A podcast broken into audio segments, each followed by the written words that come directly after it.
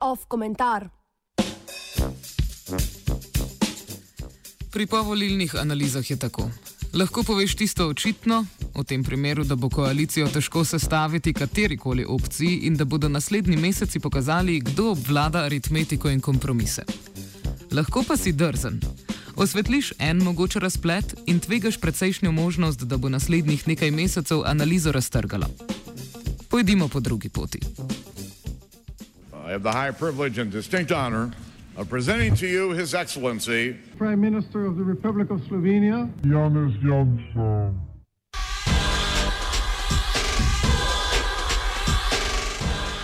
Dobrodošli v vladavino trde desnice. Ja, naslednja vlada bo desna. V vsakem primeru, saj z izjemo levice v parlamentu ni nobene leve stranke. Ampak ostaja možnost, da bo ta vlada Slovenija First desna. Da bo desna zate.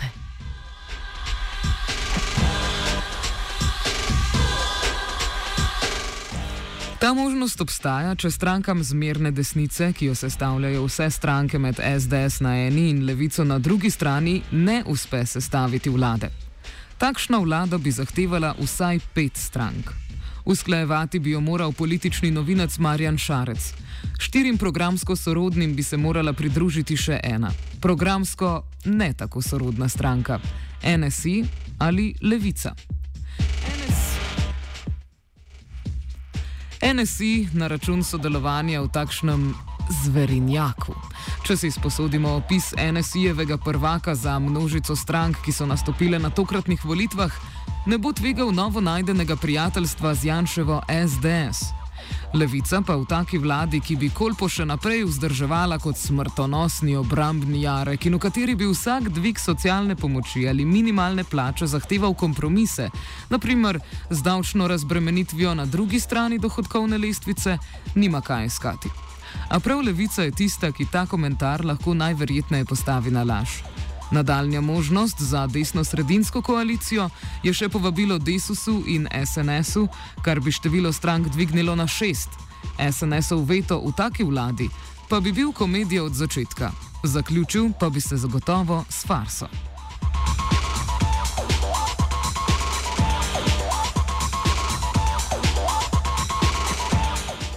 Če levici pripišemo nekaj načelnosti, torej ostaneta dve možnosti. Vlada, ki bo na prvo mesto postavljala blaginjo slovenskega človeka, ali pa prav ponovne predčasne volitve.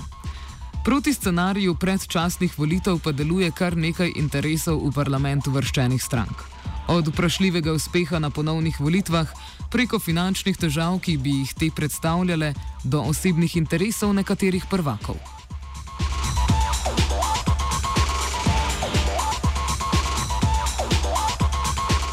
Pojdimo po vrsti. Listi Marjana Šarca je zagonsko silo in v precejšnji meri verjetno tudi uvrstitev na drugo mesto dal anti-Janša moment. Ponovne predčasne volitve lahko za listo pomenijo dvoje.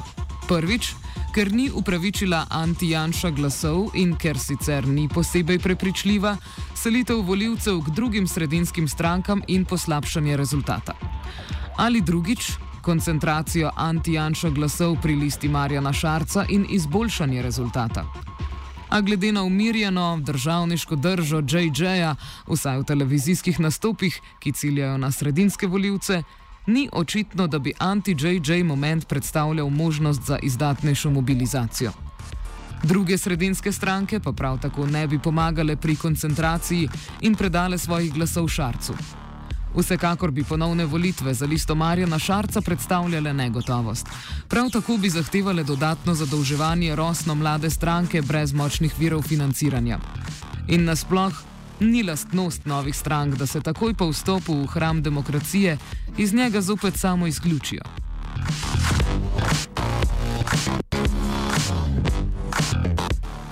Nevarnost ponovnih volitev tako predstavlja spodbudo za Šarca, da razmisli o vstopu v koalicijo z SDS. Takšna koalicija pa bi predstavljala tudi precejšno zagato. A Šarec bi v svoji domačijsko-populistični zakladnici pregovorov gotovo našel tudi tistega, da se zarečenega kruha največ poje in voljivcem nekako obrazložil svoj obrat. Nedvomno pa bi bil tak obrat neprimerno lažji, če bi se izkazalo, da se je zareklo tudi kakšni drugi sredinski stranki.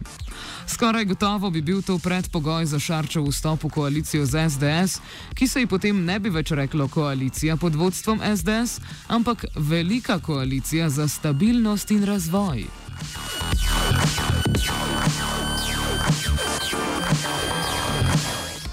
Kar je vse prej kot nemogoče. Tretji uvrščeni socialdemokrati bi vstop v koalicijo z SDS svojim voljivcem težko upravičili. A hkrati je stranka v takšni finančni godli, da si ponovnih volitev verjetno sploh ne more privoščiti. Pred začetkom kampanje je imela SD 460 tisoč sredstev in nekaj čez 400 tisoč evrov posojil. Povedano drugače, praktično vse, kar imajo, je na puf. Če sredinska koalicija ne uspe, bi socialdemokrati verjetno naslednji mandat najraje preživeli v opoziciji.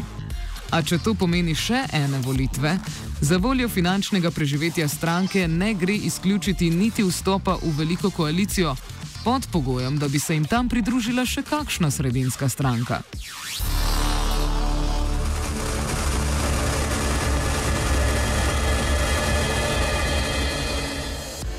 Stranka Alenke Bratušek prav tako ni v rožnatem finančnem stanju. Leto je sicer začela brez dolga, a ravno tako se ne kopa v denarju. Slabih 70 tisoč evrov premoženja je verjetno v veliki meri porabila. Alenka Bratušek ima še en motiv za vstop v koalicijo. Ob tem, da se sama ni uvrstila v parlament, ji ministersko mesto predstavlja edino možnost za ohranitev prepoznavnosti. Morebitne ponovljene volitve bi sicer omogočale, da premeša volilno listo in se uvrsti v državni zbor, a pod pogojem, da si jih lahko privošči. Spet tretja opcija je, da počaka do odstopa svojega poslanca Franca Kramarja, sicer bohinjskega župana, po lokalnih volitvah jeseni in zasede njegovo mesto. Pri Alenki Bratušek je očitno še precej neznank.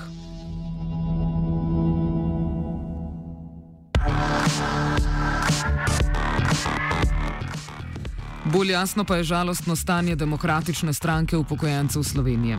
Konsistentni napadi na njenega prvaka Karla Rjavca z vseh strani so želeli oziroma dosegli želeni rezultat. Še ene volitve, še ena kampanja, še ena serija usklajenih napadov Rjavcu gotovo ne izgledajo mamljivo. Prav tako kot Alenka Bratušek in ob odsotnosti očitnih planov B in C, verjetno še bolj, po osebnem izpadu iz parlamenta potrebuje ministersko mesto in medijsko platformo, ki jo to prenaša. Potrebuje ga tudi vedno vplivnejši lobby gospodarstvenikov, vezanih na izvoz v Rusijo in ostale trge, ki jih Ruski odpira.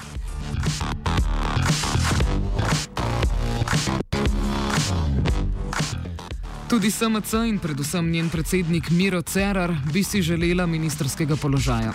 Hkrati pa je stranka dokazala, da je sposobna zbrati 10 odstotkov brez zanašanja na anti-janša glasove. Poleg tega je pri skoraj 750 tisoč evrih na računu ob začetku leta najbolj likvidna izmed strank. Ponovnih volitev se tako verjetno ne boji.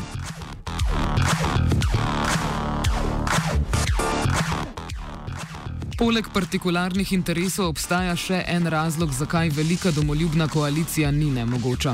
Stranke, ki bi jo sestavljale programsko, niso tako nekompatibilne kot na deklarativni ravni.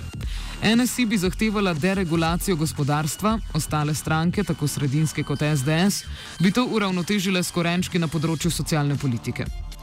Pri tistih globljih ekonomskih interesih upravljanja državne imovine se je SDS ne mara naučil lekcije iz svojega prvega mandata in bi namesto neposredne konfrontacije iskal sodelovanje pri koritu.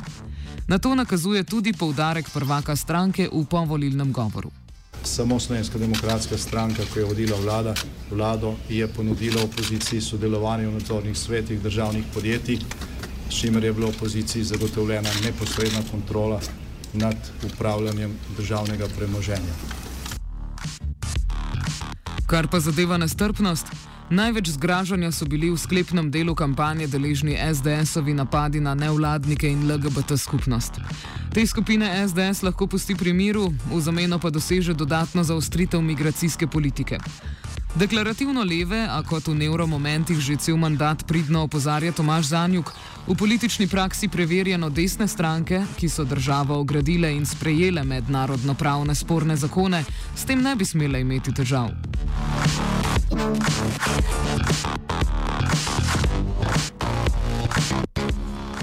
Poanta pričujočega umotvorjanja ni, da je koalicija pod vodstvom SDS že realnost in niti, da je to najverjetnejši razplet. Najverjetneje se trenutno zdi, da se bo levica pod pritiskom meščanskih anti-janša glasov in želje po vstopu v mainstream pridružila sredinski koaliciji. Pričemer jo omejuje, če si dovolimo zgodovinsko metaforo, da je v njihovih vrstah vsaj kakšen Karl Liebknecht. Poanta tega pisanja je, da koalicije pod vodstvom SDS še ni mogoče odpisati. Zahtevala bi precej PR-ovskih akrobacij, skoraj gotovo vsaj kakšen odstop z mesta predsednika katere izmed strank, a ukolikor Šarcu ne uspe uskladiti sredinskih strank in se pojavi grožnja s predčasnimi volitvami, obstaja več kot dvotretinska večina v parlamentu, ki je na tak ali drugačen način lahko v interesu tudi desna koalicija pod vodstvom SDS. Tako obstaja možnost, da bo od teh dveh tretjin na koncu vsaj polovica rok delala zate. V tem primeru bi bila primerna zgodovinska metafora iz malo kasnejšega obdobja. Zig, zig, en narod, en vodja, ena vera, tri besede, varno, zig, zig, udobje, zasebno, zig, zig, haj.